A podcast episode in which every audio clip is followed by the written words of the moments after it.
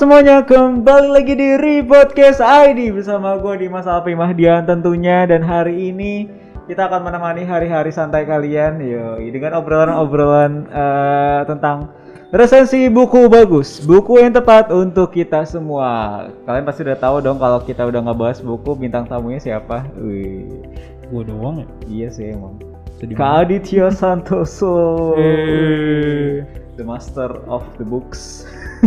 Amri kagak datang-datang nih masalahnya nih. Cuman episode satu doang dia perkenalan. Habis itu dia di Bekasi ya. Oke, jadi eh, teman-teman hari ini juga eh, kita tak lupa untuk mengingatkan bagi kalian semua untuk menjaga kesehatan kalian dan menerapkan protokol kesehatan yang berlaku. Ya, kita udah upgrade ya menggunakan masker Mm-mm. dan juga ini masker.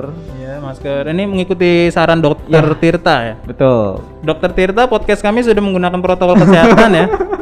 Jadi Kami jang- sudah aman. jangan dikritik ya. Ini pakai masker, ini pakai masker juga. Iya, benar-benar. Yang ini masker batik, dokter. Harganya 15.000 ribu. Dokter kalau mau tinggal pesan aja nggak apa-apa. Oke oke jadi eh, teman-teman hari ini kita akan ngebahas eh, buku tentang how to simplify simple gimana bacanya? Simplify. Simplify. How to simplify your life. Bagaimana cara mensimpelkan hidup kalian gitu. Jadi buku ini karya dari siapa ini? Tiki Kustenmacher dan Lot Harje Siebert. Hmm. Oke, jadi eh, singkatnya kenapa sih kita tuh eh, hidup kita tuh harus simple sih? Kenapa nggak maksudnya ya emang semua orang ngindarin rasa rumit sih, tapi kenapa eh, ada hal simple gitu? Apa bedanya dengan sederhana gitu? Ya bayangin aja gini deh. Oke oke. lu pulang rum- ke rumah nih pulang ke Ah. rumah eh, rumah lu tuh banyak banget barang berserakan lu jalan nginjek Lego Aduh, patah lagi. Sakit. nginjek Lego tuh gara-gara barang berserakan kan sakit kan Ya. habis itu udah selesai lu mau ngerjain tugas Hmm. lu buka tuh eh, pintu kamar lu di dalamnya lu nyari uh kertas banyak banget lu Mhm. cari tugas gue yang mana yang dibagi dosen Nah, hidup simpel itu itu membuat kita itu kesulitan. Eh, membuat hidup, si- hidup simpel. Hidup kita rumit lebih itu membuat kita lebih kesulitan. Enakan hidup yang simpel. Kalau rumit ya gini aja deh, masa kan kalau kita menghadapi masalah dipersimpel. Kalau Hmm. masalah yang rumit dipersimpel. Masalah yang simpel ya lebih mudah di- diselesaikan. Tapi orang Indonesia itu biasanya masalah simpel diperumit, masalah rumit tidak terselesaikan ini gitu kan. Gimana tuh maksudnya? Ya, lu lihat aja selebgram selebgram masalah kecil jadi besar kan bawa pengadilan. selebgram artis Gue ya. iya benar-benar. Ya, Oke. jangan menyebut merek. Mereka semua sudah tahu yang ada di sini. Ya. Bagaimana selebgram selebgram itu permasalahan pribadi menjadi permasalahan publik. Padahal itu permasalahan simpel, permasalahan pribadi. Tapi tiba-tiba dibawa ke publik itu jadi rumit. Iya sih benar. Yang memperumit itu ketika dibawa ke publik kan. Iya. Perseteruan anak dan ibu Oh. yang akhir-akhir yang kemarin-kemarin tuh ada anak dan ibu berseteru dibawa ke publik jadi rumit Iya. padahal simple Iya, ya kalau maafan selesai kan nah itu orang Indonesia ini harus baca buku ini atau mempelajari ilmu simplifikasi ini Hmm. kenapa karena orang Indonesia suka memperumit sesuatu gitu Oke, jadi tapi bukannya dengan eh, eh, apa namanya? Tapi bukannya itu udah beda konteks ya karena di media sosial orang kan bebas berekspresi begitu. ini memang makanya kita harus berekspresi harus mencari titik permasalahannya harus simple lah simple aja Jadi ini adalah jalan berpikir, simple. Kalau orang yang berpikir simple, biasanya ketika ada permasalahan, dia gini, yang salah mana? Terus inti masalahnya apa? Terus pecahinnya gimana? Udah gitu. Orang yang rumit. Dia memaki, menghujat, mencari pembenaran. Iya, iya, iya. Jadi maksudnya eh, yang ru- rumit di sini tuh kayak head speech-nya mereka gitu. Nah, maksudnya iya. mereka ikut campur dalam eh, ranah pribadi lah Wah banyak dah pokoknya. gitu. Nanti Oke. di sini ada tujuh tahapan bagaimana kita itu dikatakan hidup kita udah simpel. Dari tahapan pertama dari barang-barang, keuangan, sampai nanti bagaimana kita ber- berpikir mindset kita jadi simpel. Oke, jadi kita langsung ke tahap yang pertama itu tentang merapihkan barang. Nah, Kenapa nih merapikan barang ini termasuk indikator kita udah simple? Jadi ini tahap yang pertama, ini langkah pertama teman-teman rapikan barang. Hmm. Jadi rapikan barang ini adalah suatu action. Jadi ketika kita itu punya komitmen, kita harus action. Kalau kita nggak action, biasanya komitmen itu hilang begitu saja. Cuma jadi Saya berkomitmen bener. untuk berolahraga. Tidak action, ya udah bisa hilang. Itu rencana lu dari tahun kapan? Resolusi dari dari kuliah gua. Udah dari kuliah, dari kuliah. Dari kuliah kan olahraga, olahraga, olahraga, olahraga, action, action lama kelamaan. Aduh. Tapi kembali lagi ke simplify your life, eh, bagaimana kita mensimpelkan diri kita, eh, hidup kita. Merapikan barang ini adalah suatu hal yang sangat penting untuk di awal kali karena kita tidak bisa berpikir lurus kalau misalnya banyak barang-barang di dekat di, di sekeliling rumah kita. Misalnya kita mau duduk di meja atau duduk di kursi tapi di kursi itu banyak jemuran. Ya. Kita mau makan meja tapi mejanya itu banyak apa penuh dengan piring-piring bekas makan. Rumit, rumit. Iya. Itu kan barang-barang berserakan itu tidak simpel. Jadi nggak mood juga mungkin ya jadinya. Iya mau kerja juga kan nggak Iya, mood. Pul- uh, pergi kerja nyampe uh, nyampe ruang kantor meja berantakan. Di meja uh, meja kantor Iya, berantakan. bener. Kadang gue juga gitu juga kak. Kayak misalnya gue eh, ini nih apa pulang pulang dari kampus, terus mau ngerjain tugas tuh, mau ngerjain tugas, tiba-tiba kayak ih barang gue berantakan juga. Padahal itu dari gue sendiri yang ngebuat berantakan gitu. Tapi Hmm. kayak pas kita mau ngerjain tuh jadi kayak ah gue pindah tempat ah. Akhirnya gue pakai meja kecil, gue pindah tempat ke taman mungkin. Hmm, gitu. Dia bisa gitu. Jadi itu jadi pengaruh ke ini apa efektivitas kita dalam mengerjakan Nah. tugas juga Dan mungkin. nanti itu ada di tahapan berikutnya suasana baru, Hmm. lingkungan, mensimpelkan lingkungan. Tapi kalau dari ba- dari barang kita itu harus simpel kenapa? Eh karena kalau barang itu rumit, kita berpikir itu jadi apa istilahnya kalut, kalut. Jadi ber- berpikir kita itu suruh meraut juga. Karena barang-barang kita itu akan mempengaruhi psikologi kita. Dan itu terbukti kok. Saya juga kayak gitu ketika barang-barang itu berantakan ya nggak bisa fokus. Misalnya kita barang-barang berantakan nih, Hmm. barang-barang numpuk.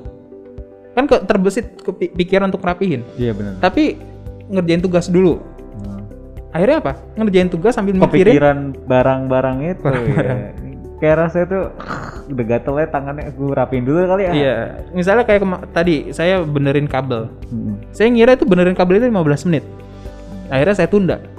Eh tapi saya kok ingat simplify your, your life. Kalau ada masalah, ada barang ma- bermasalah harus diselesaikan. Saya saya rapiin kabel itu. Gak nyampe 15 menit ternyata. Hmm. Cuma 5 menit atau bahkan 3 menit. Karena saya udah jago kan. Cek, cek, cek, cek. Baru selesai.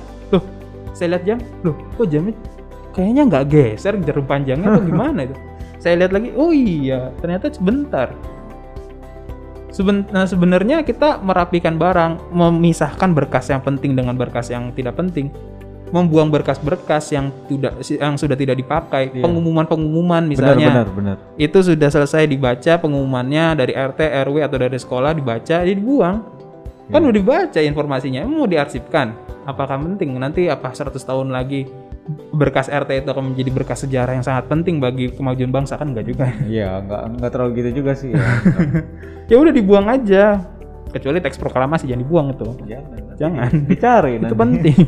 Pernah kebuang soalnya kan ada sejarahnya teks proklamasi hampir kebuang. Oh, iya. iya ada sejarahnya. Karena dianggap kertas coret-coretan. Tapi ternyata itu penting.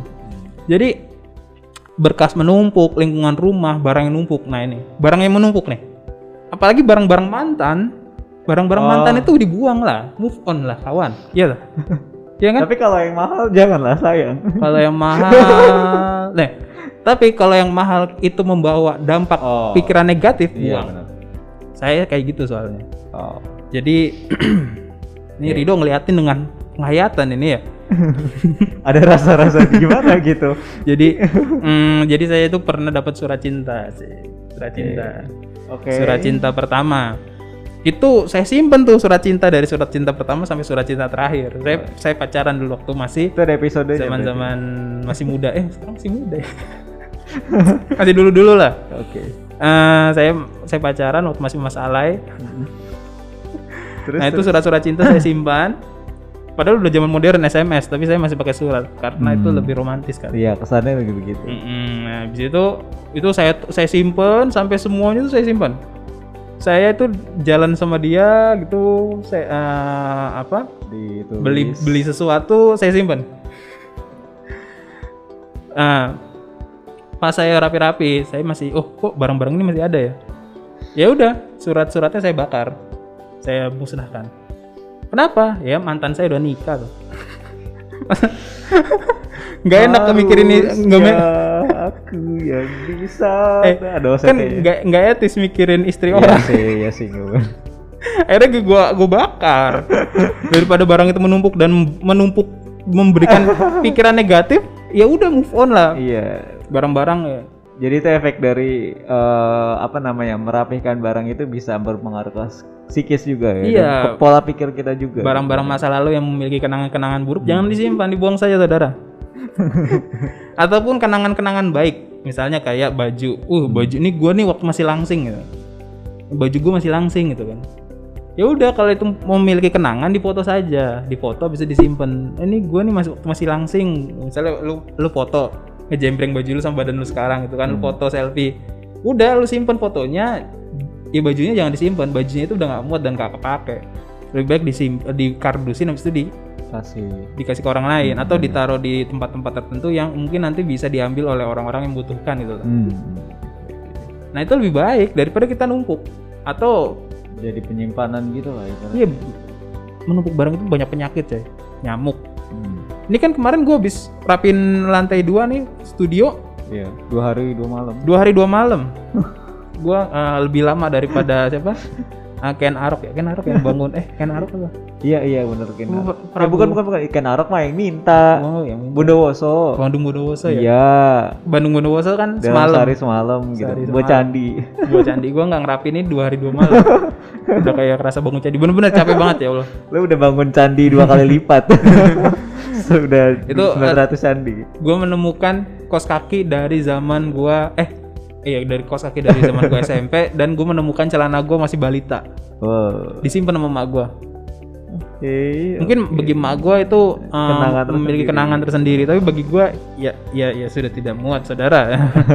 Dan juga makin rusak. Kalau disimpan itu makin lama makin tepok. Makin tepok itu makin rusak. Tepok itu bahasanya makin lapuk lah kainnya makin rusak. Jadi ya saya akhirnya saya apa kardusin ya saya siap sumba- sumbangkan lah. Total itu kemarin tuh sampai 18 kali kok 18 kardus. Berapa? Empat. 22 apa 20 Itu yang isi baju apa barang-barang? baju baju baju baju tas tas tas tas yang udah jelek. Tapi mungkin bagi orang masih bagus ya. Iya. kan kita kalau beli laptop dapet tas ya? Iya benar. nah gue punya tas banyak tuh.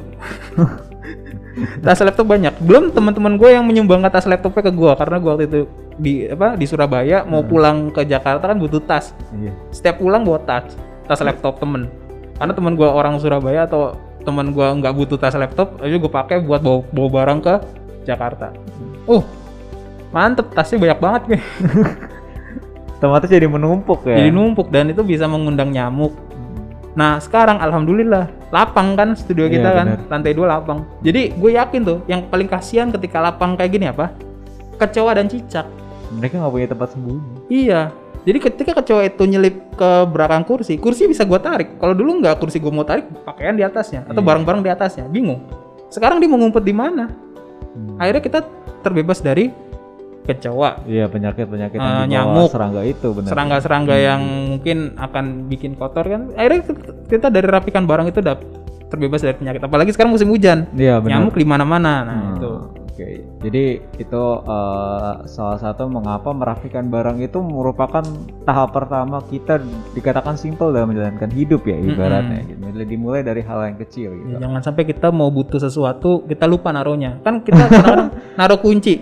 Itu Iya, benar-benar. ada ada ada kisah saya tuh mau berangkat kerja, saya nyari, nyari kunci itu sampai 30 menit. Itu sampai saya izin terlambat. Terlambat karena nyari kunci. Itu kenyataan dan mungkin teman-teman pernah ngelakuin ya. Bahkan sampai ada barang-barang yang dijual di toko online yang tentang apa namanya notis-notis gitu kalau misalnya barangnya ketinggalan gitu loh. Jadi bisa ditelepon gitu ya ampun. Iya, iya, Saking kita nggak bisa memper apa ya mempersimpel gimana cara kita merapikan barang gitu ya. efeknya. iya, jadi kita bisa kehilangan barang di tengah rumah kita sendiri. gitu ya itu untuk tahap pertama dan kita lanjut ke tahap kedua yaitu mengatur keuangan nah, ini dia keuangan ini. kenapa kita perlu mengatur keuangan gitu Keuangan keuangan itu eh, mempengaruhi kebutuhan dasar kita. Oke. Rumah, sandang, pangan, papan. Rumah, eh, pakaian dan eh, makanan. Uang itu semuanya kan. Hmm. Nah, acap kali uang ini yang bikin kita itu malah berpikir mumet. Mumet itu kita nggak bisa mikir lurus. Semisal gimana? Kebanyakan utang. Oke. Ini gue utang sama warteg kemarin makan belum bayar. Gue utang sama abang bakso kemarin belum bayar. Gue utang, gue ngutang sama teman gue buat ongkos belum bayar. Itu kan rumit, harus harus mikir. Iya sih, gimana cara ngelunasinnya gitu. Iya. Jadi eh, ada persepsi bahwa orang-orang orang-orang itu berpikir nih orang-orang hedonik ya, bahwa uang itu sama dengan kebahagiaan.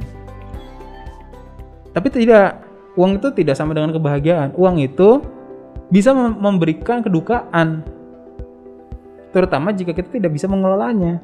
Gitu. Jadi faktor eh, uang itu cuma faktor kebahagiaan, eh, sarana untuk mencapai kebahagiaan, tapi bukan sumber kebahagiaan. Kalau sumber itu ya uang itu menjadikan kita bisa bahagia. Tapi enggak, uang itu bisa menjadikan kita duka dan bahagia.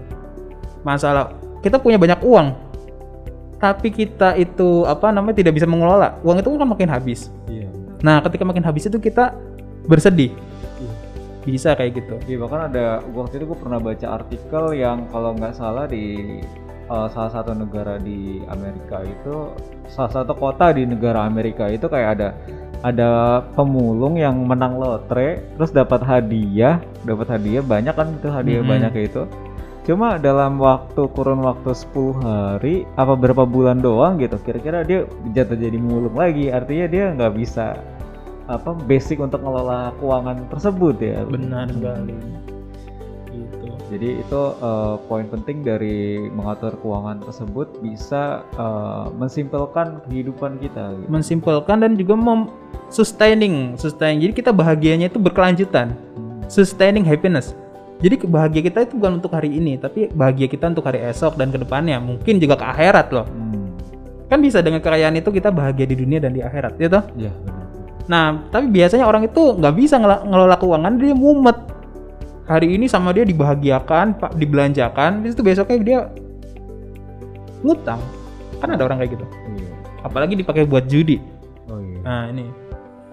Jadi uang itu tidak sama dengan kebahagiaan dan uang itu harus dikelola. Pertama kita nggak boleh atau menghindari yang namanya hutang dan kredit. Hmm. Itu cara pertama eh, mensimpelkan keuangan kita. ya. Iya, kalau misma- eh, misalnya kita masih bisa bayar pakai cash, bayar pakai cash. Meminimalisir usaha kredit ya. Iya. Melakukan kredit lah. Kadang-kadang kan orang kredit kayak gini, Eh, apa? Ah, gue nanti bisa dapat cashback nih kalau pakai kredit 15%. Hmm. Coba dipikir dengan eh, dengan tingkat stres yang diberikan dari kredit itu. Bahkan ada kisah orang itu yang di- diceritakan di buku ini, dia itu punya hutang sampai 50 ribu dolar. 50 ribu dolar, rupiah, 50 ribu dolar kalau dikurs 10 ribu aja 500 juta ya. ya sekira segitu lah. Nah gitu, dia itu utang sebesar itu pas ditanya kenapa kamu utang sebesar itu "Eh, karena di kredit di kredit mobil di kredit eh, rumah. Dia nggak ngerasa dia nggak ngerasa karena dia ngitung dia masih bisa bayar kreditnya. Tapi karena dia udah kredit pertama ketika dia kredit satu dia kredit yang lain. Ternyata kredit rumah dan kredit mobil menuntut dia untuk beli perabotannya kredit perabotan. Beli Oh. mobil akhirnya apa? Pengeluaran untuk perawatan. Ya toh? Benar benar. akhirnya dari kredit-kredit tersebut dia itu pengeluaran itu terus bertambah bukan berkurang. Jadi sebuah hutang akan mendorong hutang yang lain. Ini hukumnya. Hutang akan mendorong hutang yang lain. Jadi ketika kita berhutang, ah ini udah terlanjur hutang, ya udah tambahin aja hutangnya sedikit lagi kan. Hmm, Ayo sedikit lagi, sedikit lagi, sedikit lagi. Jadi banyak hutangnya, jadi nggak bisa kebayar. kayak eh, apa namanya kesenangan sesaat saat kita bisa mengafford sesuatu ibaratnya kita beli gelas ini gitu kan tiba-tiba secara kredit kita udah punya barangnya gitu tapi Mm-mm. Eh, secara tidak langsung kita masih punya uang yang harus ditunaikan lah ibaratnya seperti itu ya Mm-mm. Jadi akhirnya kita ngutang, ngutang, ngutang, ngutang. Jadi ngutang itu ketika kita hutang kan, ih bahagia kita, ih bisa beli beli iya gelas, ibaratnya bisa afford saat ini bahagia gitu. kan. Nah, habis itu kita eh, apa? Karena kita merasa bahagia, akhirnya kita ngutang lagi karena hutang itu memberikan kebahagiaan. iya Nah itu berarti itu yang bahaya juga sih termasuk ya Nah, eh, waspada. Walaupun mungkin hutang mungkin juga dalam ya apa namanya diminimalisir dan eh, apa sih namanya kalau hutang itu kan kayak mungkin saat urgent-urgent kita mungkin ya Benar. kondisi urgent-urgentnya itu baru diperbolehkan dalam arti bisa melunaskan Iya, jadi hutang itu karena ada dua hal. Pertama karena dia butuh Hmm. atau dia ingin. Kalau dia butuh, memang dia nggak ada pilihan lain. Dia Iya, kena kita kena Oh. bencana atau apa ada yang meninggal atau dia itu efek hal ini dipecat mungkin dari ya, iya pemecatan, pandemi COVID. pandemi covid dan it- itu bisa dia utang. Tapi ada yang keinginan, dia nggak ada masalah apa dia ya Oh. pengen kredit aja gitu. Misalnya dia udah punya motor di rumah, tapi di kredit motor lagi. Kalau kita nggak punya motor, kita nggak punya kendaraan, habis itu kita kredit motor Hmm. untuk pergi ke tempat kerja, itu tidak ada masalah. Saya tidak mempermasalahkan kalau kredit buat kebutuhan-kebutuhan pokok, rumah, apa eh, rumah misalnya bisa tuh kita menghitung bisa kredit rumah dan bisa membayarnya, ya nggak kenapa? artinya ada budget tersendiri maksudnya Ada disiapkan budgetnya. untuk membayar utang tersebut ya Benar. Oke. Yang dipermasalahkan adalah ketika kita kredit, Hmm. belum selesai satu kredit kita kredit lagi kredit lagi kredit lagi dan kredit Oh. lagi itu akan menyebabkan lingkaran setan kita nggak akan kebebas dari namanya hutang Iya. Karena datang terus ya, ibaratnya kredit terus. jalan terus itu kreditnya benar. Mm-mm. Belum potongan bunga-bunganya benar. benar sekali Oke, jadi eh, itu ya teman-teman buat eh, permasa apa namanya tentang eh, pengaruhnya atur keuangan ini dalam eh, mesederhanakan hidup kita atau mensimpelkan hidup kita. Jadi saat kita udah punya pengelolaan keuangan yang baik, jujur deh, pasti kalian bakal ngerasa enak aja gitu. Ibarat- Ibaratnya udah tenang lah ibaratnya kalau keuangan udah tersusun rapi gitu. Jadi bisa ngejalanin aktivitas hari-hari yang lebih produktif. apalagi kalau kita udah nyiapin pos-posnya Heeh. ini buat bayar kuliah yang ini buat uh, operasional dan lain sebagainya itu udah enak banget kalau udah Iya, siap benar, pos-posnya udah ibaratnya udah tenang lah ibarat untuk perencanaan perencanaan Hmm. ke depanmu. dan kekayaan itu ada ada yang tadi kan saya cerita bahwa kekayaan itu adalah ketika kita punya uang banyak Hmm. sebenarnya bukan ada konsep kekayaan yang baru Apa itu? Jadi kekayaan itu bukan ketika kita punya uang banyak, tapi adalah ketika kita membuka kulkas ada makanan misalnya. bener, Oh iya. bener. Ini keka- ini konsep kekayaan yang benar. Oke. Bukan ini konsep kekayaan yang sebenar-benarnya kekayaan. Karena hampir 50% penduduk dunia Hmm. lebih malah itu ketika membuka kulkas nggak ada makanan dalam. Bingung kan? Ini survei, ini survei, survei dari Badan Penelitian. Jadi kalau misalnya nggak percaya, coba cari. Maksudnya dalam arti eh, menyimpan makanan gitu. Iya, nggak punya simpanan makanan. Jadi orang kaya itu apa? Jadi ketika kita itu buka kulkas di dalam ada makanan, ada tahu, ada tempe, ada daging atau ada sarden atau ada telur, itu kita kaya. Kaget kan? Definisi kekayaan itu salah kita selama ini. Karena di, di belahan bumi lain ataupun di Indonesia sendiri itu ada yang nggak punya makanan untuk hari ini. Ketika dibuka kulkas pagi hari dia nggak ada isinya. Oh, oke oke, gue dapat poinnya. Jadi mungkin itu bisa jadi eh, kesalahan dia mengatur ingin membeli persediaan makanan lah ibaratnya. Habis Ya, untuk keinginan lah ibaratnya. Bukan, Tapi apa tuh? emang karena kemampuannya. Oh, Karena kemampuannya dia nggak punya kemampuan untuk membeli barang banyak. Kalau misalnya kita menganggap bahwa kita itu udah kaya, hmm. bahagia kita loh. Iya. Ketika kita buka kulkas ada makanan, oh saya masih ber- berkecukupan, saya masih iya kaya. sih, benar-benar. Akhirnya apa? Bahagia. Ketika kita itu merasa diri kita miskin, duka nggak? Setuju pas. Nah, ini kesalahan pikir kita. Ini kesalahan pikir yang diakibatkan oleh hedonisme. Dan hedonisme itu sudah tidak, udah outdated di dunia ini. Kamu masih menggunakan prinsip hedonisme, mengejar kebahagiaan sebesar-besarnya, dan kebahagiaan itu adalah uang, eh, materi, outdated kamu. Hedonisme itu sudah tidak zaman lagi di era global. Yang benar adalah sekarang adalah sustain happiness dengan cara bersyukur itu sudah eh, sudah menjadi suatu tren di dunia modern. Orang-orang Eropa, terutama di Jerman. Hmm. Jerman ya, Jerman kalau saya lihat ini lumayan ya. Jadi mereka makan itu kalau kamu makan di restoran kamu sisain, kamu didenda. Segitu. Iya. Makan di Eropa aja lu, lu, lu, lu- lu sisain lu meng- menghina. Lu menghina restoran. Seakan-akan restoran itu ngasih makan gak enak. Padahal makanannya enak. Nanti pasti restoran nanya, apakah makanannya enak karena disisain? Hmm. Kamu bilang enak. tapi saya nggak bisa makan saya udah kekenyangan Itu udah termasuk penghinaan lah ibaratnya. ya tergantung nanti kalau misalnya dia nggak mau makan disuruh makan nggak mau ngabisin disuruh bawa pulang nggak mau polisi datang didenda kamu didenda karena nyisain makanan didenda. Karena dulu Jerman pernah merasakan perang dunia pertama dan kedua itu kelaparan. Jadi mereka menghargai makanan. Nah kita itu sudah beralih dari hedonisme menjadi sustain happiness dengan bersyukur. Jadi ketika kita buka kulkas ada makanan di situ kita bahagia. Kita udah kaya. Jadi atur keuangan, jangan merasa terlalu jangan merasa selalu miskin. Karena ketika kita merasa miskin, kita tuh ter- selalu terdorong beli barang, beli barang, beli barang, kredit, kredit, kredit. Nggak ada habisnya, mati kita karena karena hutang kan. Benar. Nah di situ.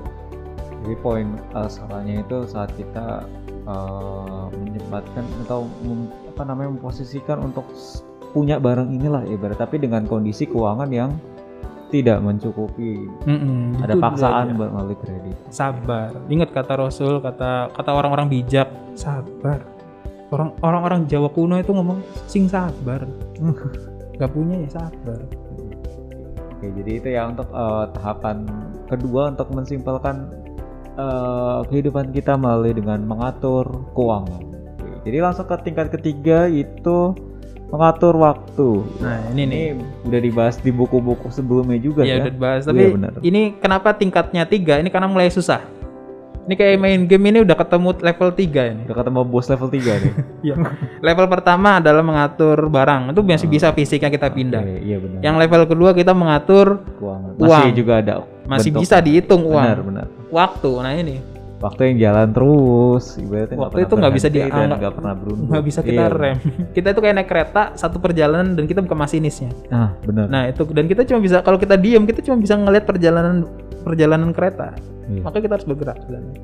Nah eh, dalam mengatur waktu itu kita memiliki beberapa poin-poin. Hmm. Yang pertama yaitu adalah kegiatan kita tuh harus kita alokasikan.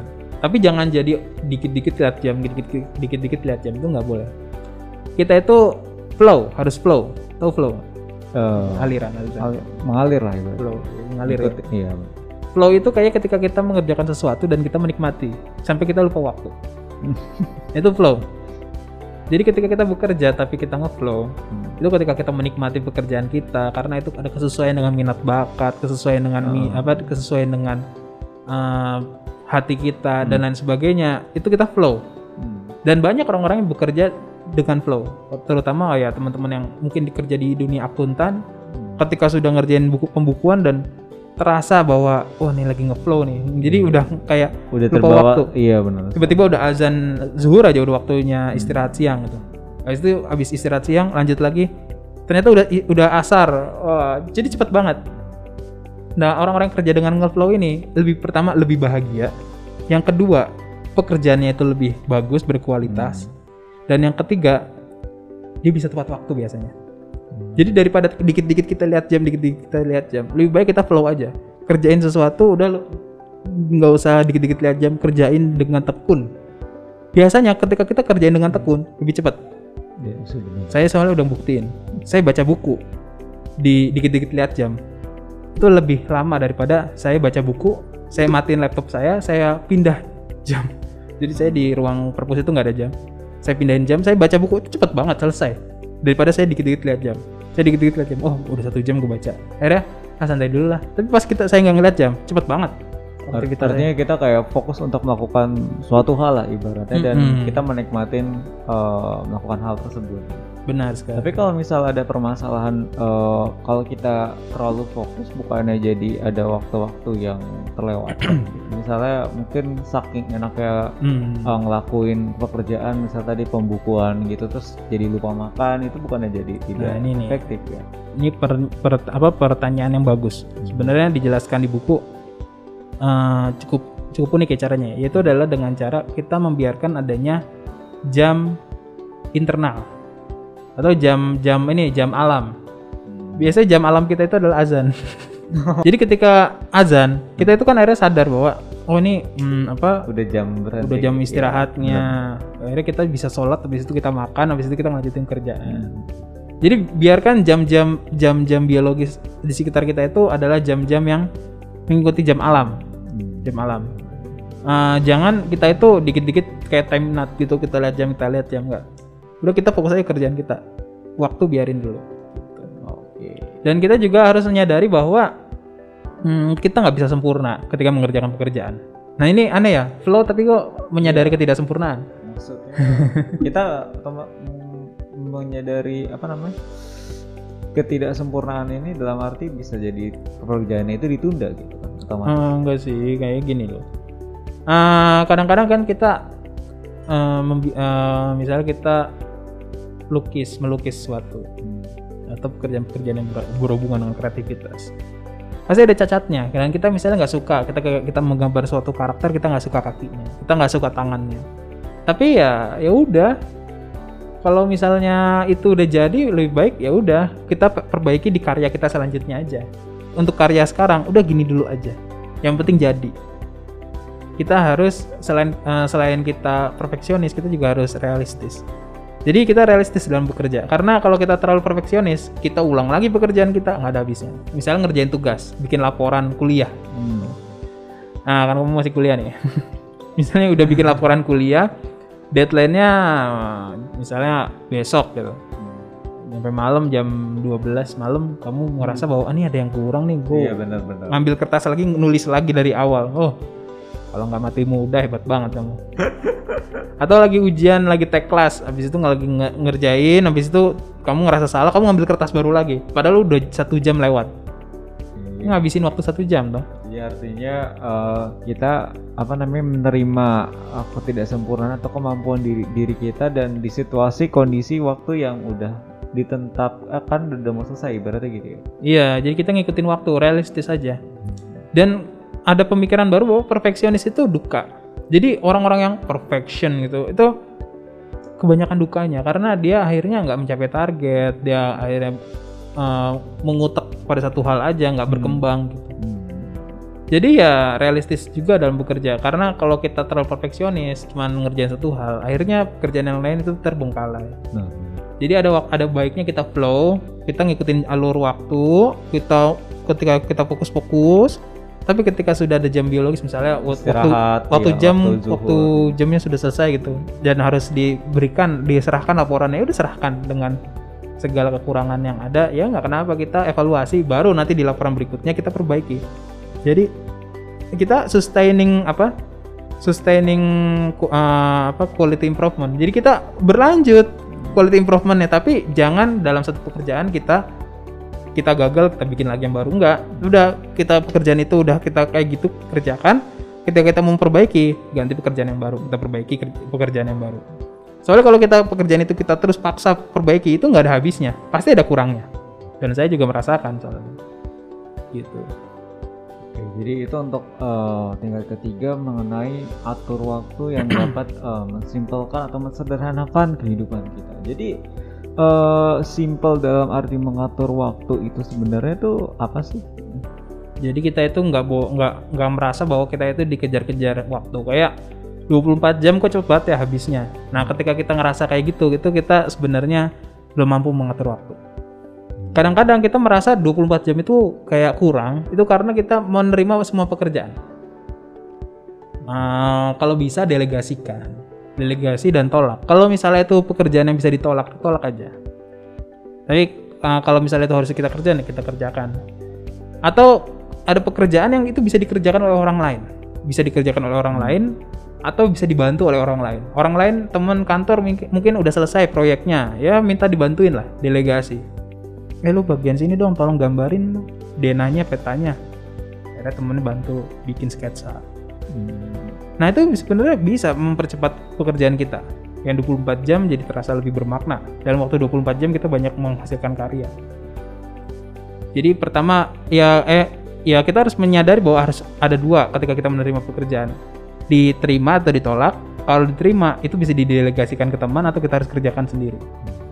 Kayak saya kan kemarin juga kan awalnya wawancara saya terus kan yang wawancara awal-awal lama kelamaan saya delegasi ke kamu kan Iya Da- sih. daripada lama-lama- daripada saya wawancara habis itu saya yang nyampein ke kamu orangnya kayak gini mendingan Iya.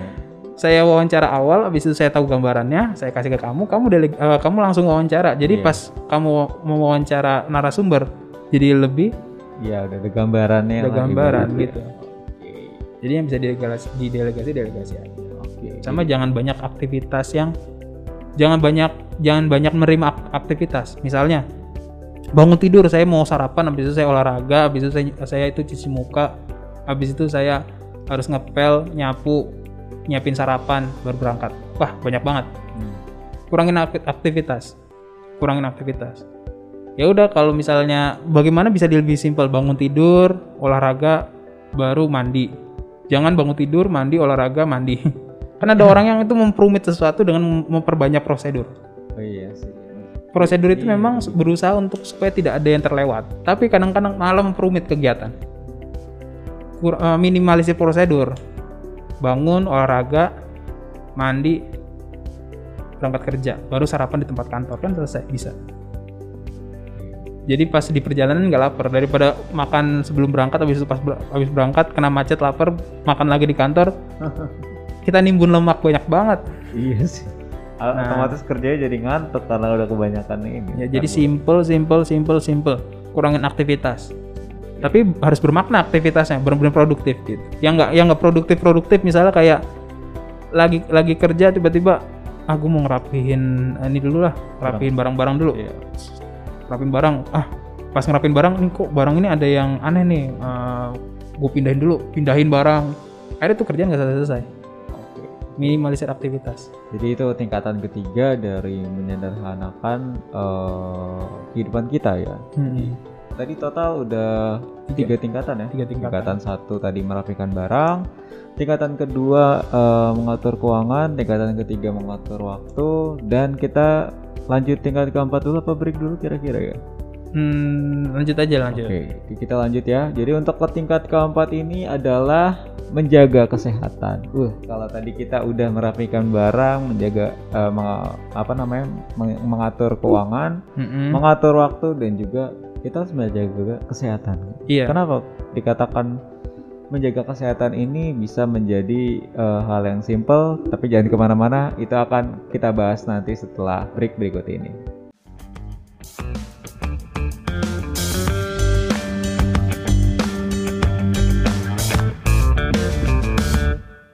Halo semuanya, kembali lagi di Repodcast ID di konten resensi buku bagus, buku yang tepat untuk kita semua.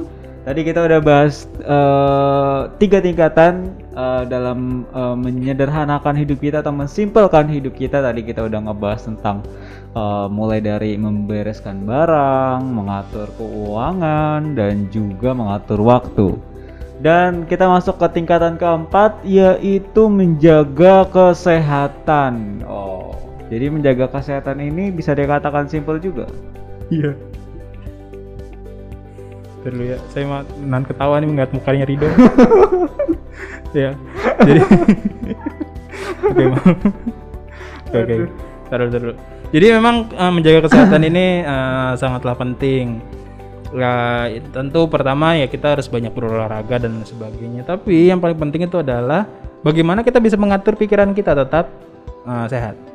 Jadi ada yang ngomong bahwa pikiran sehat akan uh, mendorong uh, tubuh yang sehat. Eh, ada yang balik ya? Dalam tubuh yang sehat terdapat pikiran yang kuat kan gitu ya. Iya. Tapi ada juga yang yang bilang bahwa pikiran sehat akan membuat tubuh itu kuat gitu. Waduh. Jadi- dong. Iya sebenarnya itu timbal balik karena jiwa dan raga tidak bisa disatu apa tidak bisa, Bisa dipisahkan. Nggak harus disatukan karena kalau jiwa hanya jiwa itu namanya roh Eh. gentayangan. Jika raga hanya dengan raga itu namanya mayat ya. Iya, benar benar. Jadi jiwa dan raga itu saling bersatu, saling mempengaruhi. Terus yang mana yang mempengaruhi pertama kali? Dua-duanya bisa saling mempengaruhi satu sama lain. Tapi eh, karena sudah banyak tren yang mengatakan kita berolahra- berolahraga, makan makanan yang sehat, Iya. maka kita juga bisa membantu kita dengan persepsi untuk mengcombine kegiatan tersebut. Yang pertama ya kita harus senantiasa bahagia ya. Wih, bahagia bisa menjadi salah satu hal bentuk kesehatan ya. Iya, jadi bisa mempengaruhi kesehatan. Jadi eh, teman-teman jangan lupa bahagia. Saya juga kadang-kadang ketawa-tawa sendiri sih. Menertawakan diri sendiri. jadi jangan lupa bahagia, jangan jangan lupa untuk senantiasa eh, berpikir positif. Jadi bahagia itu banyak jenisnya. Ada yang bahagianya itu eh, karena uang, Iya. tapi lebih bagus bahagia itu karena bersyukur. Karena ketika kita bahagia karena uang, kapan sih kita dapat uang? Pas dapat ta- ta- apa pas akhir bulan kan ya? Sudah hilang lagi. Pas Bang. akhir bulan, awal bulan belanja bahagia. Habis itu sisanya kita akan duka karena men- mengejar gajian kan. Kenapa gajiku tidak naik-naik ya Tuhan? Kapan tanggal tua gitu. Jadi bahagia itu dengan cara bersyukur. Kalau kita bersyukur kita lebih banyak mendapatkan uh, jatah bahagia daripada se- sekedar kita mengejar materi belaka. Iya benar. Itu yang pertama. Yang kedua kita harus antusias. Jadi jangan pernah ya, jangan pernah kalau misalnya kita ketemu hal yang baru kita merasa terbebani. Ada masalah baru. Aduh, apa ini? Masalah apa lagi? Makanan apa ini? Makanan apa? Masalah apa ini? Kan gitu ya. Nah, Ada eh, apa? Lagi pergi kerja ban bocor. aduh. Cobaan macam apa ini? kan gitu ya. Tapi antusias dalam arti apakah pas kita ban bocor langsung, wah ban kita bocor Ya gitu. nggak gitu dong. Enggak gitu ya. Antusias itu dalam arti ketika kita mendapatkan uh, musibah, masalah dan lain sebagainya, kita itu harus apa nih? Kita harus ngapain ketika ada masalah? Jadi kita antusias, jangan jangan membebani pikiran. Ada masalah, kita pecahkan secara antusias. Dan kita juga senantiasa ya menghindari tekanan lah. Misalnya, emang tekanan tekanan hidup itu nggak bisa dihindari. Misal, maksudnya ya kita juga ada tuntutan untuk dapetin uh, uang untuk membeli apa beasiswa atau untuk mendapatkan apa untuk mendapatkan uh, rumah atau membeli mobil motor dan sebagainya ada tuntutan tersebut cuman jangan jadikan itu tekanan hidup saya harus. Oh. jangan saya harus. Kurangi tuntutan-tuntutan hilangkan tekanan. Jangan saya harus ini saya harus itu. Saya harus berpakaian rapi saya harus berpakaian seperti ini. Saya harus memiliki handphone yang terbaru iPhone 12 atau Samsung yang terbaru atau apa yang terbaru. Pokoknya laptop yang terbaru MacBook atau apa itu jangan. Hilangkan itu. Hilangkan itu untuk mengurangi tekanan bukan berarti kita menghilangkan targetan mungkin ada targetan mungkin ada orang yang punya targetan Ya pengen beli iPhone di usia segini atau pengen beli punya rumah di usia segini Iya. gitu. tapi jangan terlalu banyak karena itu akan menyebabkan kita itu malah jadi terbeban secara emosional tidak Kepikiran terus gitu. ya. Mm-mm. Tiap malam insecure. Iya kayaknya nggak punya iPhone itu kayak hidup kita berakhir padahal enggak sih Iya benar. nggak punya ginjal itu yang bisa membuat demi iPhone Iya beli sih. apa menjual jangan, ginjal Jangan sampai begitu sih. Ya. kan udah lagi- Ibaratnya Anda beli- jual motor buat beli bensin gitu. kan gitu ya iya. Jangan lah jangan beli apa beli ginjal buat beli eh oh, beli ginjal Eh, Jual ginjal. jual ginjal buat beli handphone. iPhone. Nah, ginjal satu. Eh ternyata iPhone-nya keluar baru yang ya ginjal yang satunya lagi. Mati kau saudara. Dan ternyata ya ini usut punya usut ginjal itu adalah uh, sel-selnya uh, tidak banyak beregenerasi. Jadi kita itu sel-sel ginjal itu terbatas ya saudara. Jadi kalau dia itu udah mati udah nggak ada regenerasi. Jadi Anda jangan memaksakan diri Anda untuk membeli iPhone terbaru dengan mengorbankan ginjal. Iya, itu juga saya baru tahu pas saya nonton nonton film itu ada yang membahas tentang ginjal. Ternyata ginjal itu kalau misalnya ada kan yang buat penyaringan-penyaringan itu ya, penyaringan Iya. darah. Itu kalau selnya itu mati satu, udah nggak ada nggak ada lagi. Selnya nggak ada generasi, udah. Jadi makanya ada orang gagal ginjal itu, ginjalnya mati. Itu karena memang dia mati, ginjalnya sudah selnya udah Nggak habis. bisa beregenerasi lagi ya. Iya. Jadi kesehatan itu adalah investasi penting. Jadi kalau ginjal kita sudah bermasalah, apalagi dua-duanya bermasalah, kita cuci darah. Ribet nggak lu cuci darah? Ribet sih. Ngeliat-ngeliat di film-film atau di rumah sakit gitu ada tetangga yang sakit ginjal juga. Iya kan? Iya tiap hari cuci darah. eh Harus tiap cuci- per minggunya ada. Harus cuci darah. Kalau nggak cuci darah dia akan sakit. Iya. Padahal ketika dia nggak cuci darah itu, dia nunda misalnya seminggu, seminggu baru cuci darah. Itu sebenarnya darahnya itu kotor dan akan mempengaruhi dan membebani organ-organ yang lain. Akhirnya komplikasi. Jadi hidup orang yang itu apa tidak menjaga kesehatan itu hidupnya tidak simpel. Sedikit-sedikit pantangan, Iya bener. Sedikit-sedikit sakit. sedikit-sedikit sakit. Itu nggak simpel, hidupnya rumit. Tiba-tiba pingsan. Tiba-tiba pingsan. Makan sedikit diare. Iya sih. Makan cabai baru satu, ba- Satu Pedes nggak? Satu batang ya. ah, nggak usah nggak nggak pedes, tapi pakai cabai pakai. Baru makan, ternyata udah punya mah kronis. Wah, udah wassalam. Assalamualaikum warahmatullahi wabarakatuh. tutup tutup usia bisa. Jadi ja- ini kesehatan ini penting banget. Jangan sampai kita itu ke mana-mana harus bawa obat jantung, obat darah tinggi, obat Obat asma. kolesterol, obat ah, kalau asma kadang-kadang kan bawaan ya, Oh, iya bawaan. Tapi kalau misalnya obat-obat apa penyakit-penyakit yang diakibatkan oleh keburukan Oh, dari perilaku iya. kita gitu. Gara-gara perilaku kita buruk, akhirnya kita punya penyakit dan kita harus ribet karena penyakit itu. Iya. Hidup Jadi- kita nggak iya, Jadi rumit juga ya kita ngeluarin kos banyak untuk Iya. kesehatan kita. Udah kos, habis itu harus ngeluarin biaya, apa, Iya. biaya kos itu ya. Iya, iya. Ngeluarin energi untuk ngingetin, aduh gue udah minum obat belum nih, aduh ribet banget. Alarm banyak banget itu. Alarm. Tiap menit ada tulisan-tulisannya. minum obat ini, minum obat itu. Jadi menjaga kesehatan itu tujuannya memang mempersimpel hidup karena ketika kita sakit kita itu kan rumit. Gitu. Ini alasan yang utama. Jadi kita harus bahagia ketika ada masalah kita harus bisa melihat perspektif baru. Jangan punya banyak tekanan hidup supaya darah kita nggak tinggi. Hmm. Darah tinggi. darah tinggi itu Kebanyakan garam. nggak banyakan garam. Nggak memakan asam garam hidupan. Nggak, nggak, nggak. Lebih ke menghilangkan tekanan ya dalam Ya, jadi jangan banyak tekanan hidup lah. Jadi biar kita nggak stres, biar kita happy. Let Karena ketika kita happy kan ada hormon-hormon yang akan meng- memberikan hormon-hormon apa? endorfin, ya, Endorfin, endorfin hormon-hormon kebahagiaan yang Endorfin, bisa dopamin. meregenerasi tubuh kita. Jadi sel-sel dalam tubuh kita itu tergenerasi dan tetap awet muda. Bukan awet tua seperti saya. Enggak, enggak, enggak. Saudara-saudara santai saja. Ya, jadi teman-teman tadi harus bahagia ya, Iya. antusias, Antusias. menghilangkan bahagia. tekanan, minimalisir untuk eh, ibaratnya menghilangkan beban pikiran lah Mm-mm. ibaratnya. Gitu.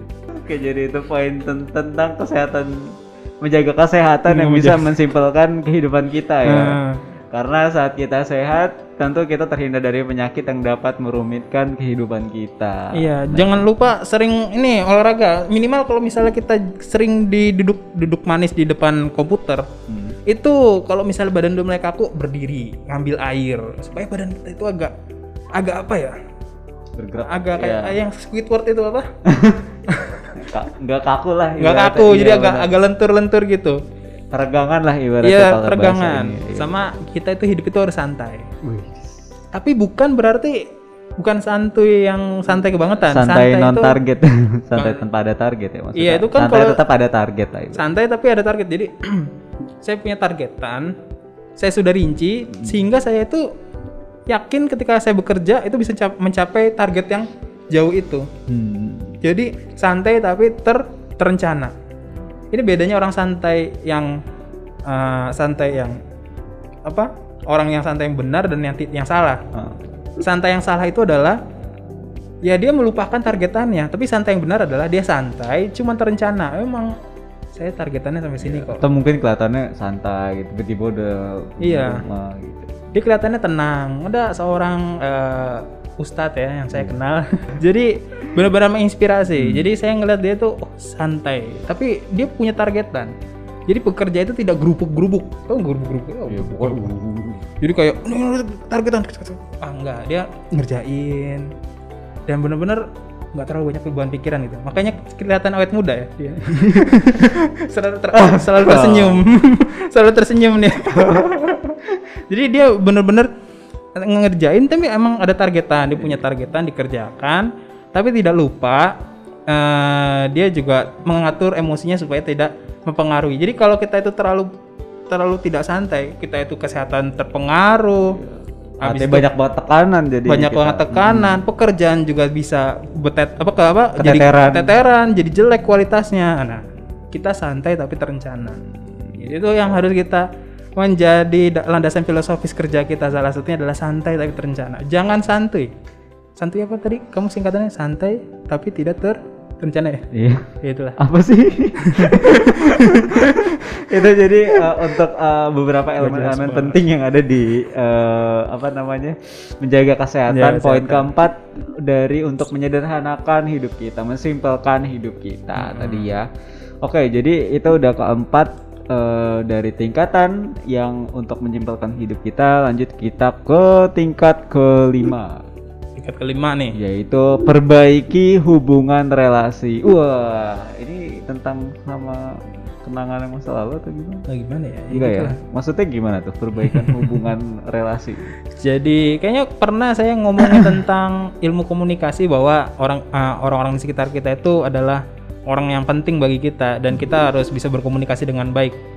Iya kan ya? Hmm. Kalau nggak salah di, di ngomongin psikologi pria dan wanita kemarin di buku itu juga yang warna merah sama Oh, warna biru. Claudia Sabrina. Iya. Itu juga saya ngomongin tentang pentingnya relasi.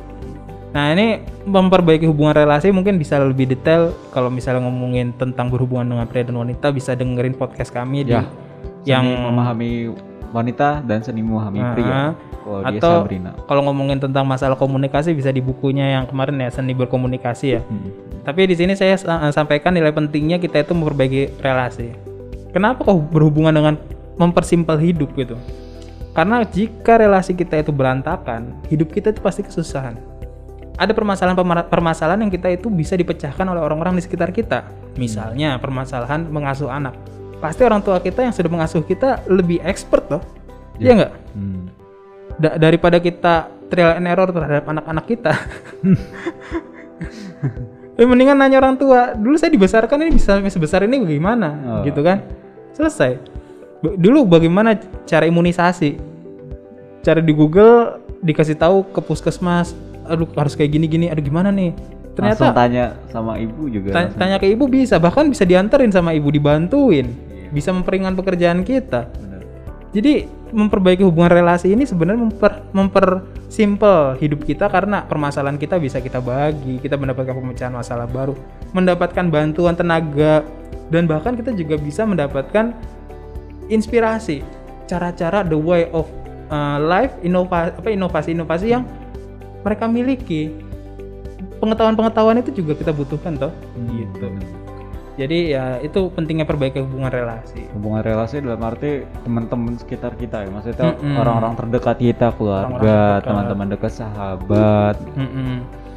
Oke, jadi eh dari eh, hubungan simpel dengan eh, keluarga itu dengan teman-teman kerabat dekat itu Mm-mm. lebih ke kita menyadari bahwa kita itu nggak bisa sendiri. Ada ada kadang masalah-masalah tertentu yang eh, nggak bisa kita pecahkan sendiri. Gitu. Benar sekali. Jangan bersikap individualis lah. Individualis itu kan egois. Saya saya dan saya. Enggak, hidup ini bukan tentang diri kamu. Hidup ini tentang diri kamu dan teman-teman kamu. Kan gitu ya.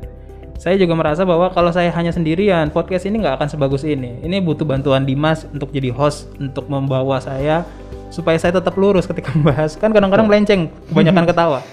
kalau nggak ada kamu mungkin melenceng-melenceng kita ngebahas. Iya. Dan juga dengan tambahan editor berkelas. editor berkelas Ridho Muhammad yang mungkin nanti akan bisa dilihat wajahnya di Instagram penasaran kan kita promosiin muka dia jadi. Face reveal. Eh, iya jadi kalau misalnya kita hanya sendirian podcast ini nggak jadi Tuh. kita nggak bisa memberi manfaat ke banyak ke banyak orang tapi alhamdulillah ketika kita semuanya bergabung kita berhasil menghasilkan sebuah podcast yang berkualitas Dan Nah. tentunya ini tepat buat kalian semua. gitu. Dan kita ketika kita itu punya relasi kita harus punya suatu persepsi tertentu yang kadang-kadang itu bisa menghancurkan relasi kita. Yang pertama itu adalah perasaan iri. Wow, perasaan iri jadi nggak boleh ada ya ibaratnya ya. Ya iri kadang-kadang kan kita gini punya temen punya pacar cakep, gua buru-buru punya pacar masih jomblo. Misalnya gitu. Perasaan iri. Iya. Ada rasa iri waduh nih kok dia nih apa temen gue udah nikah gue masih santuy menjalani karir gitu ya? Ya kan? Iya. nah ada ada perasaan-perasaan kayak aduh kok kayak gini gitu. Tapi hmm, kita harus memperbaiki lah perasaan perasaan iri tersebut. Kita harus menyadari bahwa setiap orang itu punya kelebihan. Ada waktunya untuk eh, bertumbuh. Ada waktunya untuk berubah. Kita punya waktu timeline masing-masing lah intinya seperti itu ya kita nggak usah kita iri kita harusnya apa berpikir unik Gimana tuh maksudnya berpikir out of the box gitu, out of the box. Enggak gini Atau kita kita harus nyadari bahwa diri kita itu nggak bisa dibandingkan dengan orang lain karena kita unik. Wow. Misalnya gini, kamu saya bandingin sama Rido. Kamu nggak bisa ngedit kan dengan Nggak bagus. bisa. Rido bisa ngedit dengan bagus. Saya bandingin. Itu Ah, sama seperti membandingkan ikan dengan monyet. Yang Wah, satu iya. bisanya bisa naik ke atas pohon, yang satunya bisanya berenang. Saya bandingin. Nggak bisa. Saya ajak lomba lari, yang menang monyet. Saya ajak lomba berenang, yang menang ikan, ya kan? Nah, jadi kita itu jangan merasa iri karena kita merasa iri itu karena membandingkan. Tapi kita harus merasa bahwa diri kita unik. Apa keunikan kita? Kita harus mengenal diri kita. Ketika kita mengenal diri kita, akhirnya kita itu meminimalisir rasa iri. Gitu. Ketika kita meminimalisir rasa, rasa iri, kita bisa menerima orang lain dengan mudah, ya kan? Iya benar.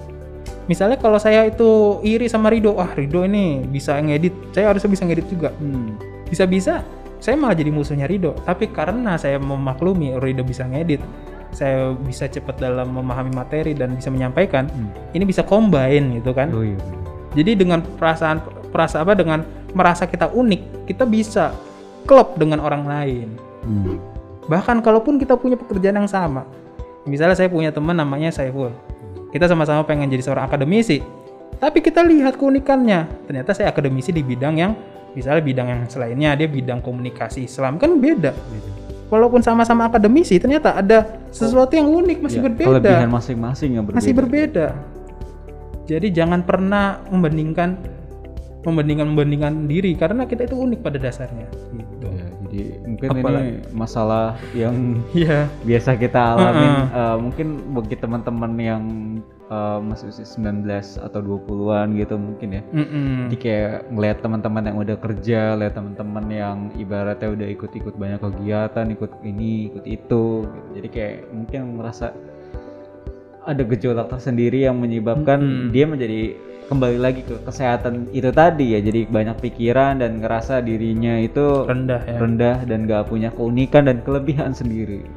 Itu termasuk eh, tindakan yang ibaratnya ya itu tadi kembali kesehatan tadi yang eh, berpengaruh ke mental kalian dan pola pikir kalian. Dan itu juga termasuk ke merusak hubungan relasi tentunya. Jadi ngeliat Mm-mm. orang itu kayak ada gap-gapnya tersendiri. Benar benar. sekali. Nah, ini tips yang terakhir ya. Ingat mati, coy. Waduh. Ini di buku ini bener di Oh, iya? disampaikan di buku ini apa? Ingat pemakaman diri. Pemakaman juga. Jadi ketika kita itu punya ambisi di dunia, Oke. saya pengen menjadi penguasa satu bumi. Wah. Dark Father. Father dong. saya ingin menguasai jagat raya misalnya. Ya sadar diri, waktunya berapa? Memang kamu punya umur seribu tahun, tapi kan kalau berumur seribu tahun tidak sembayang tak ada gunanya. ya. Enggak enggak kembali Betul. lagi kembali lagi ke pemakaman diri. Iya, pemakaman. Ingat mati bahwa ketika kita itu mengingat kematian kita, itu disampaikan di buku ini bukan saya yang nyampein ya. Bahwa kita kita itu em, akan menyadari saya, saya itu ingin dikenang oleh teman-teman saya itu seperti apa. Apakah saya pengen dikenang sebagai orang yang pelit? Saya mau dikenang sebagai orang yang individualis. Saya dikenang sebagai orang yang pemarah, pendendam, pencemburu, sukanya nggosipin orang, jatuhin orang, segala cara, sombong. Kita mau dikenal seperti itu. Tentu kita mau dikenal yang positif, pemurah, peduli dengan teman, memiliki kepedulian, empati, tanggung jawab, kerja keras.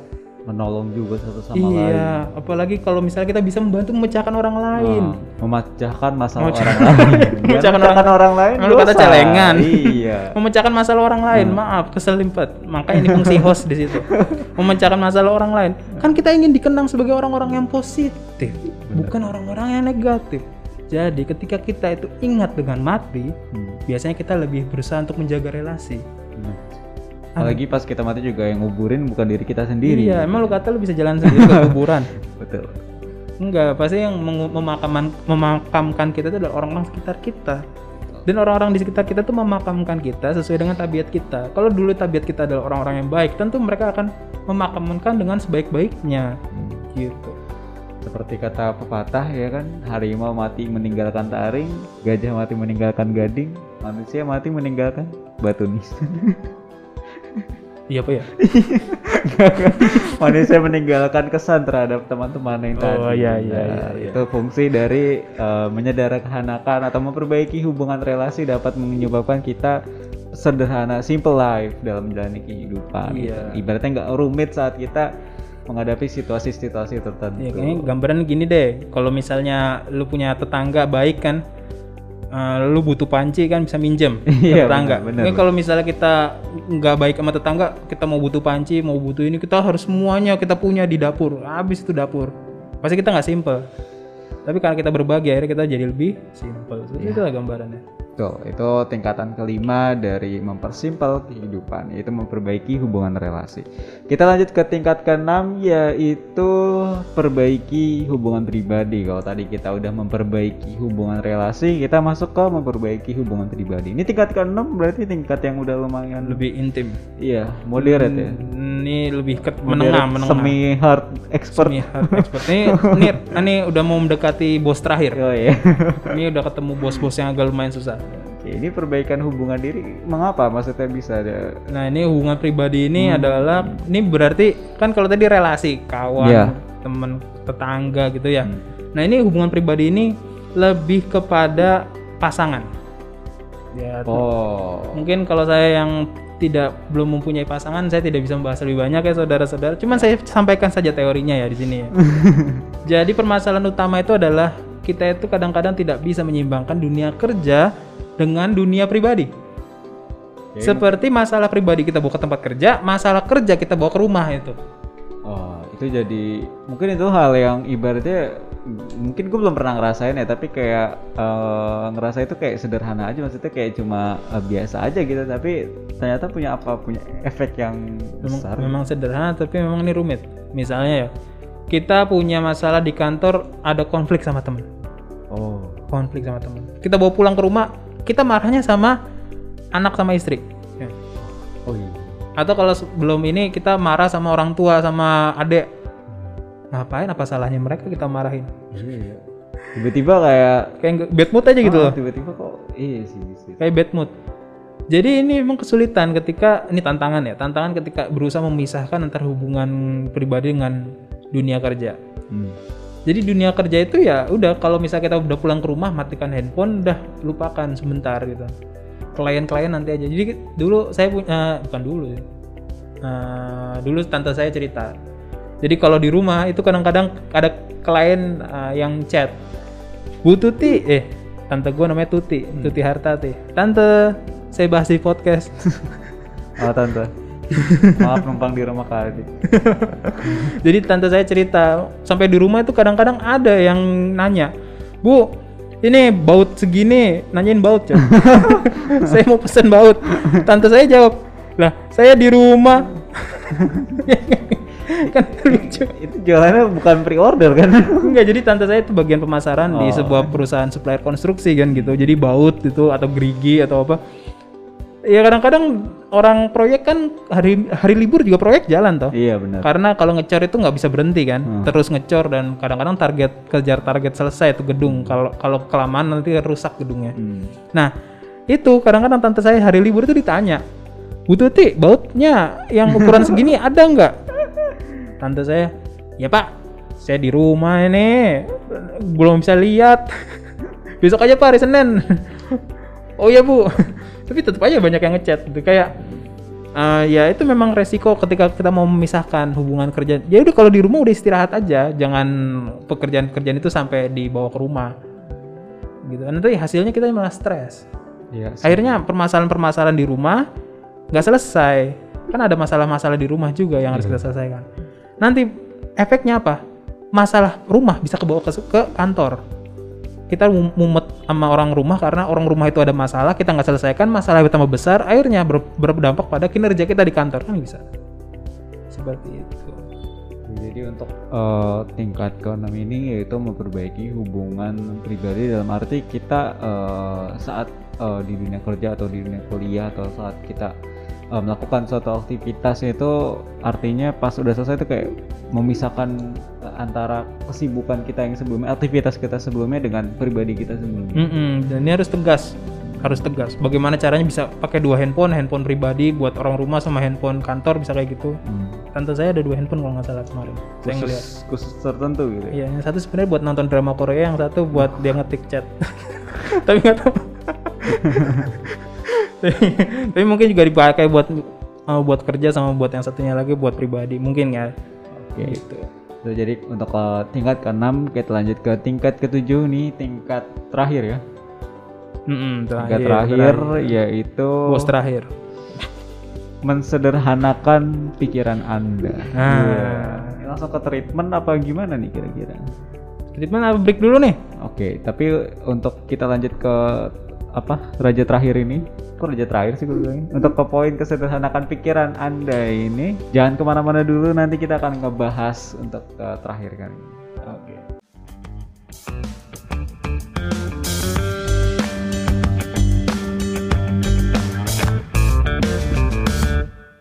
Halo semuanya, kembali lagi ke Repodcast ID. Tadi kita udah ngebahas ke 6 tingkatan dari menyederhanakan kehidupan Anda gitu.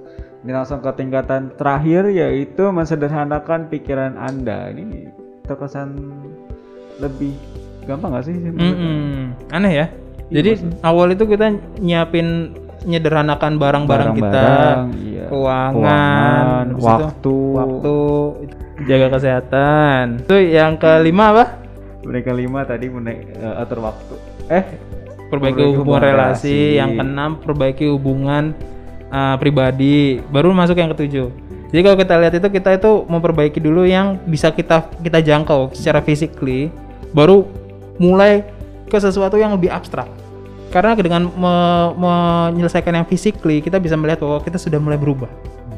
Kita mulai merapikan barang, kita mulai merapikan keuangan, kita mulai merapikan kesehatan apa mem- membuat kita tuh uh, kebiasaan-kebiasaan sehat. Ini kan mulai masuk ke kebiasaan itu berarti sudah mulai masuk ke yang lebih imajiner. Habis itu kita memperbaiki hubungan relasi, memperbaiki hubungan pribadi dan lain sebagainya. Nah, ini baru ini puncaknya. Ini puncaknya yang paling sulit itu adalah sederhanakan pikiran kita. gimana tuh maksudnya? Nah, ini sederhanakan pikiran kita itu seperti ini gampang diucapkan tapi susah untuk Iya, dilakukan. maksudnya teknis, eh enggak terlalu apa kesannya abstrak ya maksudnya. Iya benar sekali. Nah, berarti kita harus tahu tujuan hidup kita. Gimana? Nah, lo. Beda-beda dong dari tiap orang kan.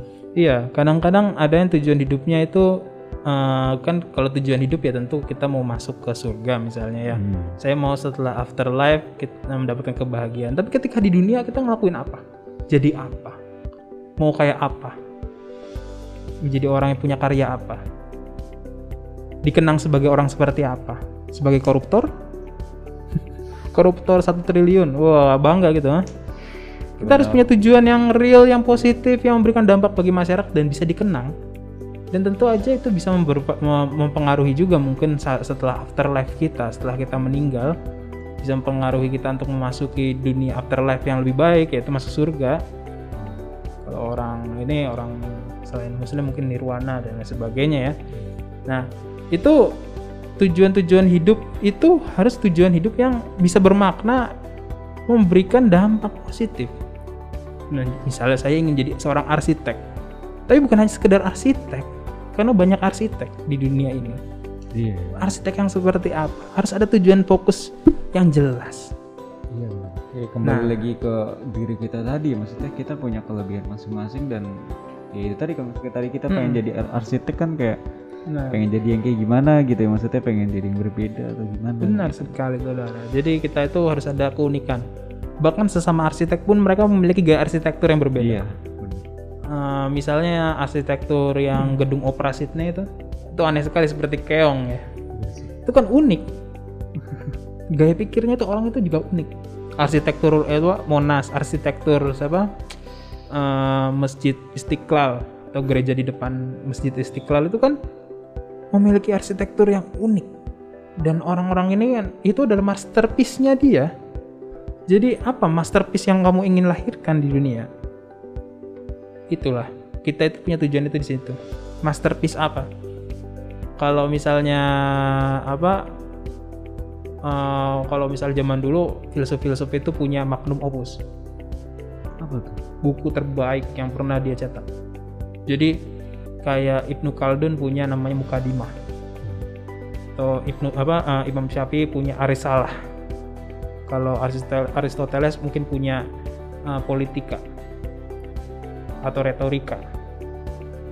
Nah, buku-buku terbaik itu mereka itu itu magnum opusnya. Pekerjaan seumur hidup yang dia baktikan hanya untuk menemukan hal itu. Artinya punya e- efek yang banyak akhirnya. Jadi Iya. kita punya efek yang banyak. Coba kamu tahu lukisan Mona Lisa itu dibuat ol- oleh Da Vinci berapa lama itu? Lukisan kecil itu. Iya benar. tuh. Berapa, tahun itu? Berapa tahun coba tebak? Berapa? Eh, Setahun ada nggak? hmm, harusnya sih nggak ada ya karena lu pasti mungkin. Kecil ya? Iya, Itu 4 tahun coy. 4 tahun. 4 tahun cuma bikin lukisan kecil itu. Wow. Mm-mm. Jadi lukisan sekecil itu yang kita anggap ya kecil gitu. Iya. Kenapa harganya mahal? Karena itu adalah lukisan yang dia pikirkan selama 4 tahun. Dan kalau kita melihatnya secara arsitek, ah, bukan arsitek, dengan secara seni di zaman itu dengan komposisi warna demikian, dengan uh, guratan-guratan demikian, itu adalah suatu inovasi. Artinya ada nilai seni tersendiri bagi orang-orang yang bisa melihat seni. Iya. Di zaman itu itu inovasi. Zaman sekarang kita tuh ya gam- gambarnya bisa lah kita tiru. Tapi inovasi di zaman itu. Ya kalau misalnya teman-teman yang mungkin eh, suka nonton apa film-film Jepang yang apa namanya anime ya, Hmm. itu nanti setiap setiap studio itu berlomba-lomba menciptakan Grafis. karakter, Iya, karakter karakter gambarnya. Ada yang karakter gambarnya matanya gede banget, nggak proporsional deh pokoknya. tapi ada juga karakter yang bikin ada alur-alur apa garisnya ditebelin. Pokoknya saya melihat itu seni. Bahkan setiap setiap seniman itu memiliki eh, apa ya?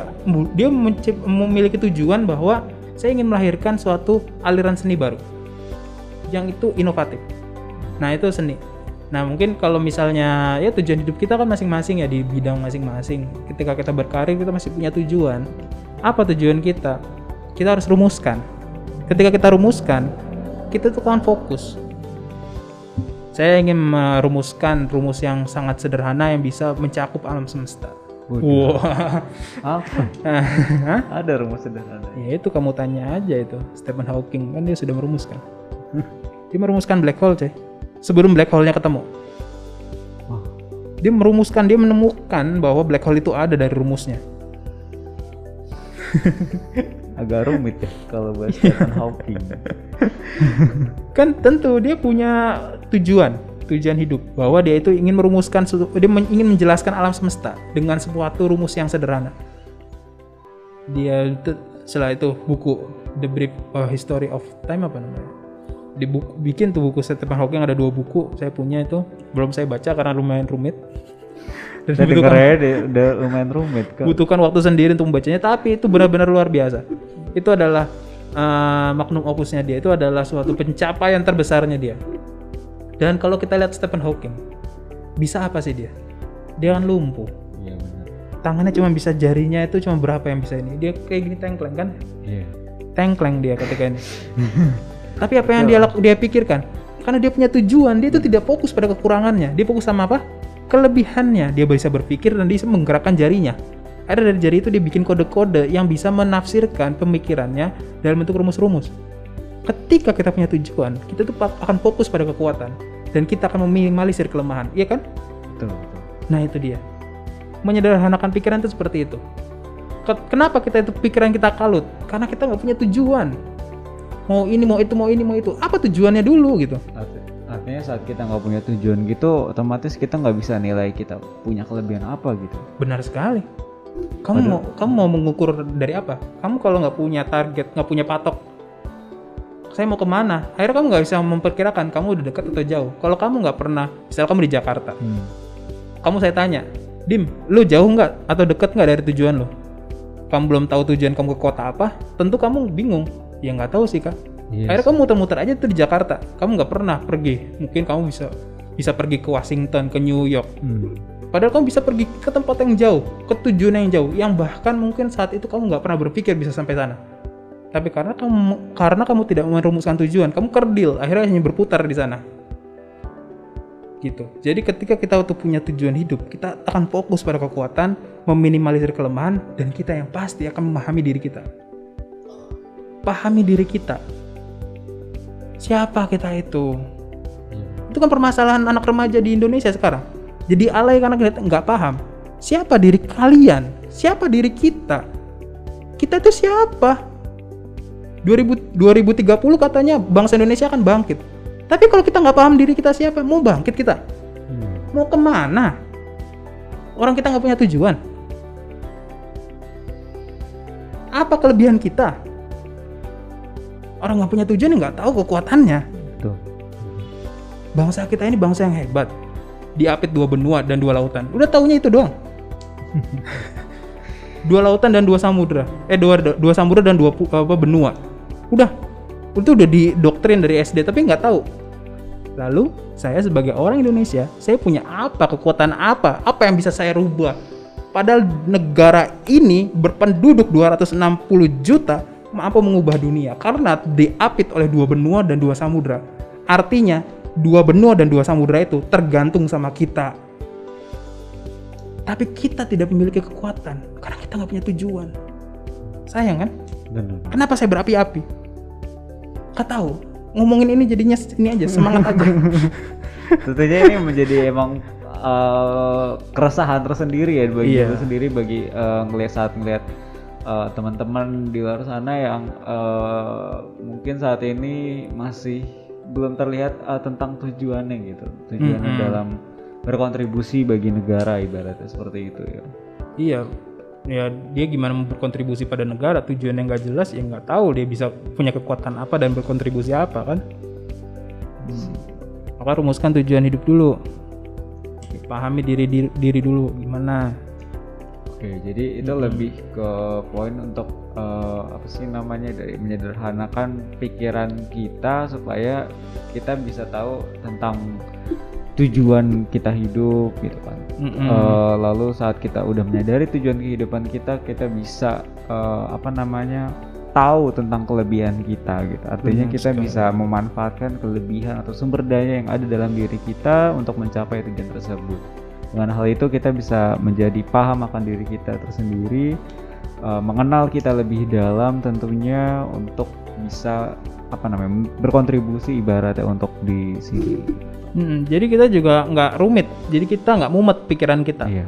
ketika kita punya masalah kita sadar masalah itu lebih kecil daripada tujuan kita ya masalah ini adalah batu pijakan saya untuk mencapai tujuan yang lebih besar nah orang yang nggak punya tujuan hidupnya itu mumet utang mulang dipikirin atau mungkin nolep ah, nolep apa itu Nah, tidak ada kehidupan mungkin lebih menghabiskan terlalu tidur. banyak iya waktu.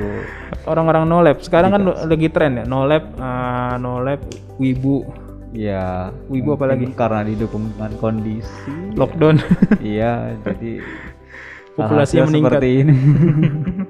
Populasi menonton ini maksudnya anime-anime. ya kadang-kadang juga jadi ya kalau nggak ke sana ya jadi manusia-manusia alay di TikTok ya Ya, mungkin. Eh sih. maaf TikTok saya tidak mempermasalahkan.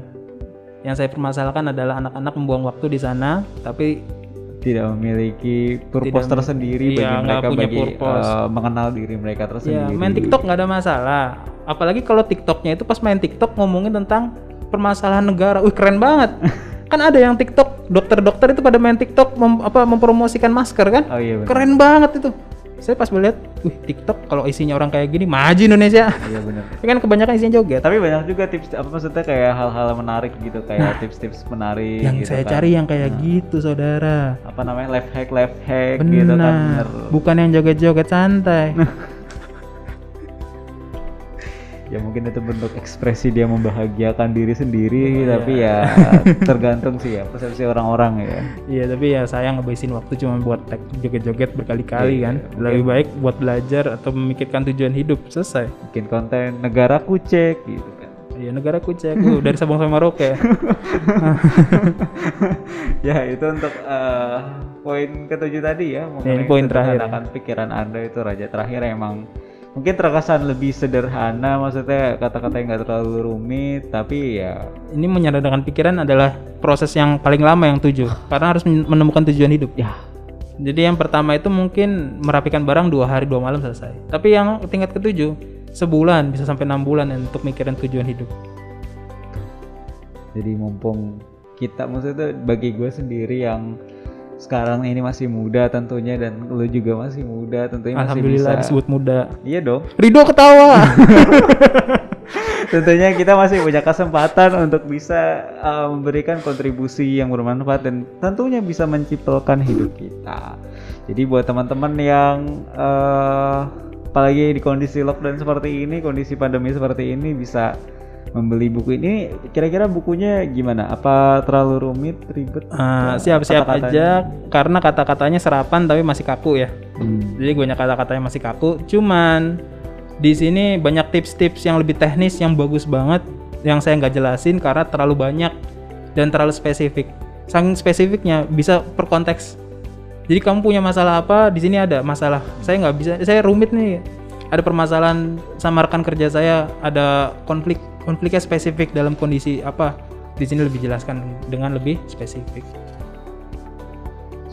Jadi teman-teman buat eh, yang ingin beli buku ini bisa dibeli di toko buku yang kalian suka atau di merchant-merchant online yang kalian suka dan tentunya dengan membaca buku juga bisa menambah wawasan kita, memperluas eh, diksi bahasa kita untuk memperbanyak kata-kata kita tentunya dan tentunya ini bisa menjadi eh, mengisi waktu luang kita dengan bermanfaat tadi ya tentunya tadi kita udah belajar tentang mensimpelkan hidup kita memanfaatkan waktu termasuk dengan membaca buku bisa menjadi bentuk simpel kita menginvestasikan kemampuan kita Benar sekali. oke jadi itu aja untuk episode resensi buku bagus untuk kali ini teman-teman terima kasih Dadah nih dadah. oh iya dadah Dadah. Dada kesehatan, dada kesehatan juga buat kalian menjaga kesehatan kalian jangan lupa untuk menerapkan protokol kesehatan yang telah berlaku. Kalian udah tahu kan udah di-upgrade berapa kali gitu kan. Iya. Jadi teman-teman di ru- rumah sana enjoy your day gitu kan. Yo, semoga tetap bahagia, bahagia terus dok. Hmm. Jadi sampai bertemu lagi di pertemuan resensi buku bagus berikutnya. Dadah. Dadah.